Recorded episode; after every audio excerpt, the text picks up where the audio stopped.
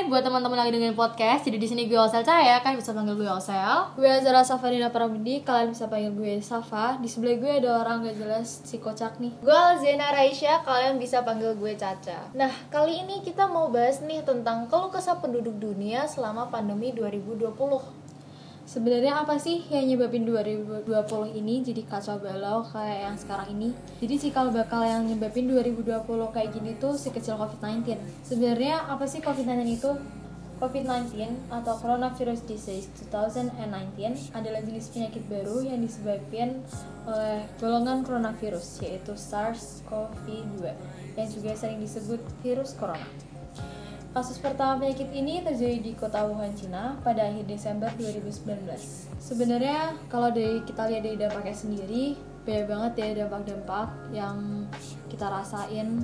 Gak cuma kita sih, banget buat kita ya, Ya, seluruh masyarakat kita. di dunia. Mm, eh, kayak tingkat kematian penduduk yang tinggi. Sebenarnya tingkat kematian penduduk yang tinggi itu sebenarnya kita bisa nanggulannya ini dengan pikiran kita lebih positif aja gak sih? Iya, kayak penyakit ini tuh lebih psikologis kalau betul kalau misalnya kita nggak begitu panik atau Iya. baga- Oh. gimana pun kita bakal bisa jaga imun kita dengan baik gitu kan terus penurunan ekonomi yang berujung pada PHK banyak banget sekarang Pekerja-pekerja yang pada berhenti kerja. ya kayak dari Pengangguran uh, juga. apa maskapai penerbangan terus apalagi pekerja pabrik Iya. banyak banget yang berhenti gara-gara si virus kecil corona COVID-19 ini terus ketidakefektifan pembelajaran. Nah di podcast kali ini kita bakal fokus dari ketidakefektifan pembelajaran Kita bakal bedah beberapa hal yang bikin menghambat para siswa dalam pembelajaran nih. Buat yang pertama, nggak paham sama materi yang disampaikan. Karena kan kondisinya memang cuma bisa melalui online ya, lewat daring. iya benar Terus pada keterbatasan sinyal, internet, gimana belum juga kalau yang nggak pakai wifi ya, terus pakai Iya, kuota gitu. urusan rumah. Nanti tiba-tiba sambil lagi dijelasin gitu macet-macet, entah lagi siswanya menjawab terus gurunya rasa siswanya kurang kurang benar dalam menjawab atau Iya. Malah gurunya yang nggak kedengeran sama siswanya Iya, jadi benar-benar. siswanya terhambat banget dalam mempelajari materinya gitu kan. Terus yang kedua nggak paham sama apa yang dijelasin, nggak paham materinya itu karena kita dikasih tugas baru terus kan. Tapi di dasar materi awal aja kita tuh nggak paham sama apa yang dijelasin. Iya, apalagi gitu. gimana keterusannya kan karena pasti yang pelajaran selanjutnya tuh selalu ada hubungan dari pelajaran yang Iya dan pertama. apalagi kalau dibikin lebih susah dan lebih rumit gitu kan kita jadi nggak berkutik banget ya kalau dikasih soal kayak gitu. Iya benar banget. Mm, belum kadang-kadang tuh kayak maaf nih ya guru tuh kadang-kadang cuma memberikan soal soal-soal gitu latihan ya. Maksudnya kita tahu lah tujuannya bagus supaya kita tuh dilatih mulu otak kita diasah setiap harinya tapi kalau tanpa materi dan dijelaskan Kitanya dengan juga detail, mudah. mm, kita jadi nggak Apa mudah yang kita juga pelajarin? kalau misalnya mau tutor sebaya pun juga susah kadang-kadang ya kan karena teman kita juga nggak sepenuhnya beberapa tuh mungkin minoritas lah hitungan dari anak kelas Iya. yang mungkin bisa menjelaskan ngebantu gitu karena kan kita sama-sama diberi materi yang sama diajarkan yang sama juga apalagi karena keterbatasan daring susah banget kita buat kenal sama anak di luar kelas juga kan ya Iya. buat minta dikasih tahu atau dikasih materi yang belum kita tahu kan Ngerasa canggung gitu. Mm-mm, ada. karena nggak pernah ketemu nggak pernah kenal Iya. gitu sungkan juga gitu kan sebenarnya bisa diatasi pakai les privat gitu sih. Cuman nyari les privat pun di Nyari pandemi kelas gini juga susah susah, ya, susah apalagi banget ya kan. masa pandemi kayak gini kan. mau cari harus cari rekomendasi lah gini gitu tuh juga yang mampu. Kalau misalnya enggak juga susah banget. Terus kendalanya kalau les privat tuh takutnya nggak paham juga. Gurunya nggak terlalu guru privatnya itu juga nggak terlalu memahami materi yang dikasih gitu. Belum kendala waktu kendala ya. Seperti kayak diajari di sekolah juga kan sama daring juga kan ya. Gitu juga sama dengan les mayoritas juga daring lewat zoom lewat google meet gitu. Kendalanya banyak banget sih ya memang buat siswa-siswa ya Iya, buat bener, pelajaran. Bener. cobaannya tahun ini total banget sih. Dan dari semua itu kita kan nggak pernah ngalamin ya. Kita pasti kaget banget dong. Entah Iya, ini secara kan- fisik ya kan. Apalagi secara fisik sih. Hmm, fisik tuh capeknya nggak main kan. banget. terus mentalnya aduh kalau udah sampai mental nih udah jauh banget ya kan guys bisa berefeknya tuh ke mana-mana nih entah berdampak ke diri sendiri maupun ke lingkungan karena di diri sendiri Iya. udah kacau ke lingkungannya jadi makin kacau ya kan nah buat ke mentalnya kita bisa lanjut ke bagiannya Mbak Caca yeay Nah guys, jadi di sini aku mau curhat dikit nih. Eh, tapi kok aku?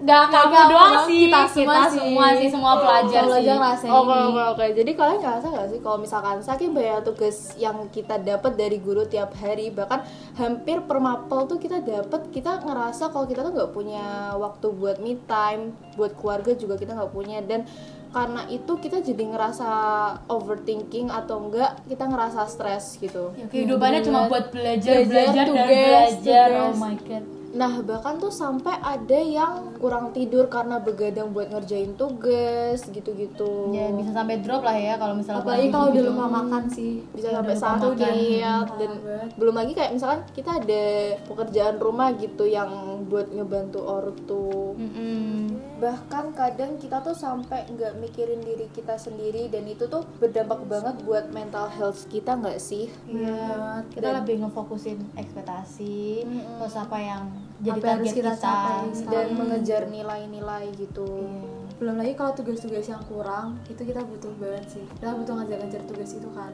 Iya biar nilainya itu nggak kosong. itu mungkin jadi tekanan sendiri lagi buat kita. Tekanan tambahan buat kita Ya karena target ya, kembali ke target lagi itu. dan banyak yang mungkin sampai curhat ke psikolog online mungkin. Karena kita juga tahu mau cerita ke siapa. Kalau misalkan dulu sekolah offline kan kita bisa cerita tuh ke teman-teman nah Iya masih bisa main iya main benar bareng Walaupun gak cerita pun bisa kayak ya have fun bareng Iya. lah biar kita tuh kelepas penat gitu. Iya benar-benar dan gak banyak juga anak yang sungkan gitu cerita ke orang tuanya dan Iya, itu benar. bisa bikin diri sendiri jadi stres. Hmm, relasi, relasi kita juga berkurang kan ya selama Iya, pandemi benar. teman Iya. kita udah mulai ngilang gitu-gitu. Benar-benar, Sibuk benar. sendiri-sendiri lah gitu. buat ketemu aja masih susah gitu kan Iya. Bener. Lagi mau cerita-cerita.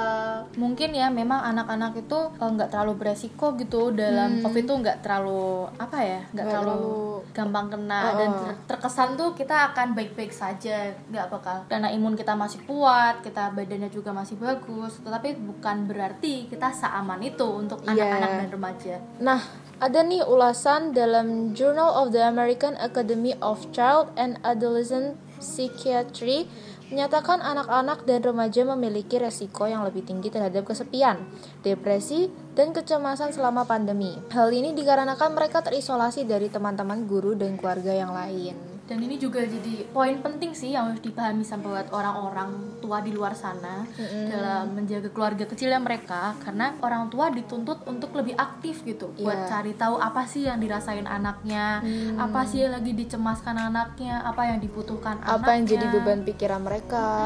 atau mungkin mereka mau mengeluh gitu tentang apa yang terjadi dalam kehidupan mereka beberapa hari itu gitu Benar-benar. ini juga pasti susah juga sih buat orang tua Iya. karena udah kerjanya susah ya kayak tadi kan Capek kita juga. Nggak tahu tentang beberapa mungkin bisa kena PHK kan stres juga pasti semua Hmm. Pasti. stres di sini dan di mana kita tuh pasti ditantang sih setiap masing-masing keluarga tuh buat menciptakan aura yang kondusif di rumah gitu karena Hmm. misalnya nih ya kayak misalnya di rumah ini tuh sering terjadi pertengkaran entah itu nggak cuma ya orang tua suami istri itu nggak mungkin sama keluarga lainnya gitu itu bisa menciptakan suasana yang mungkin suram buat anak gitu yang Iya, bikin anak benar, tuh nggak nyaman dan ketakutan merasa kayak aduh aku tuh harus berlindung sama siapa sih Iya. gitu jadi makin kesepian gak sih kalau udah kayak gitu Karena tempat mereka berlindung tuh justru malah yang jadi tempat sumber kecemasan gitu.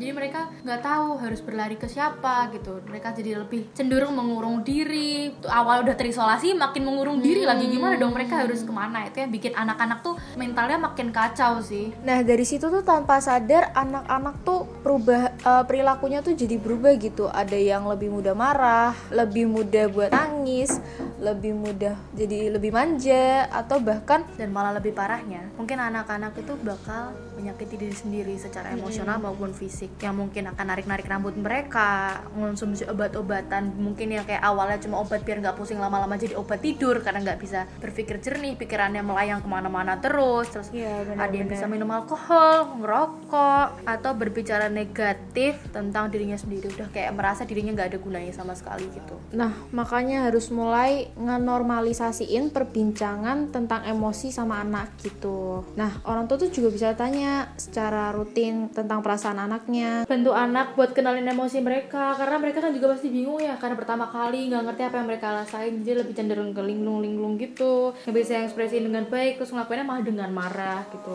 Jadi kita harap buat yang diceritain sama anak-anak yang jadi orang menjadi sasaran mereka untuk bercerita tolong jadilah pendengar yang baik hindari kayak mengkritik terus kayak memberikan saran mungkin mereka membutuhkan pendengar saja gitu. Kalau memang mereka butuh saran baru diberi saran kadang-kadang malah mereka mereka merasa ditentang dan merasa nggak ada yang memahami mereka kalau misalnya Bener, bener, diberikan saran ya kan Bener.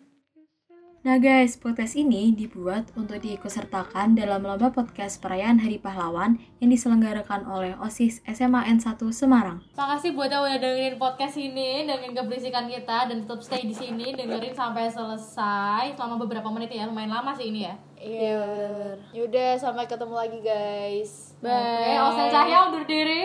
Gue Safa undur diri juga. Gue Caca undur diri. Terima kasih guys. Home last night, you're on my mind.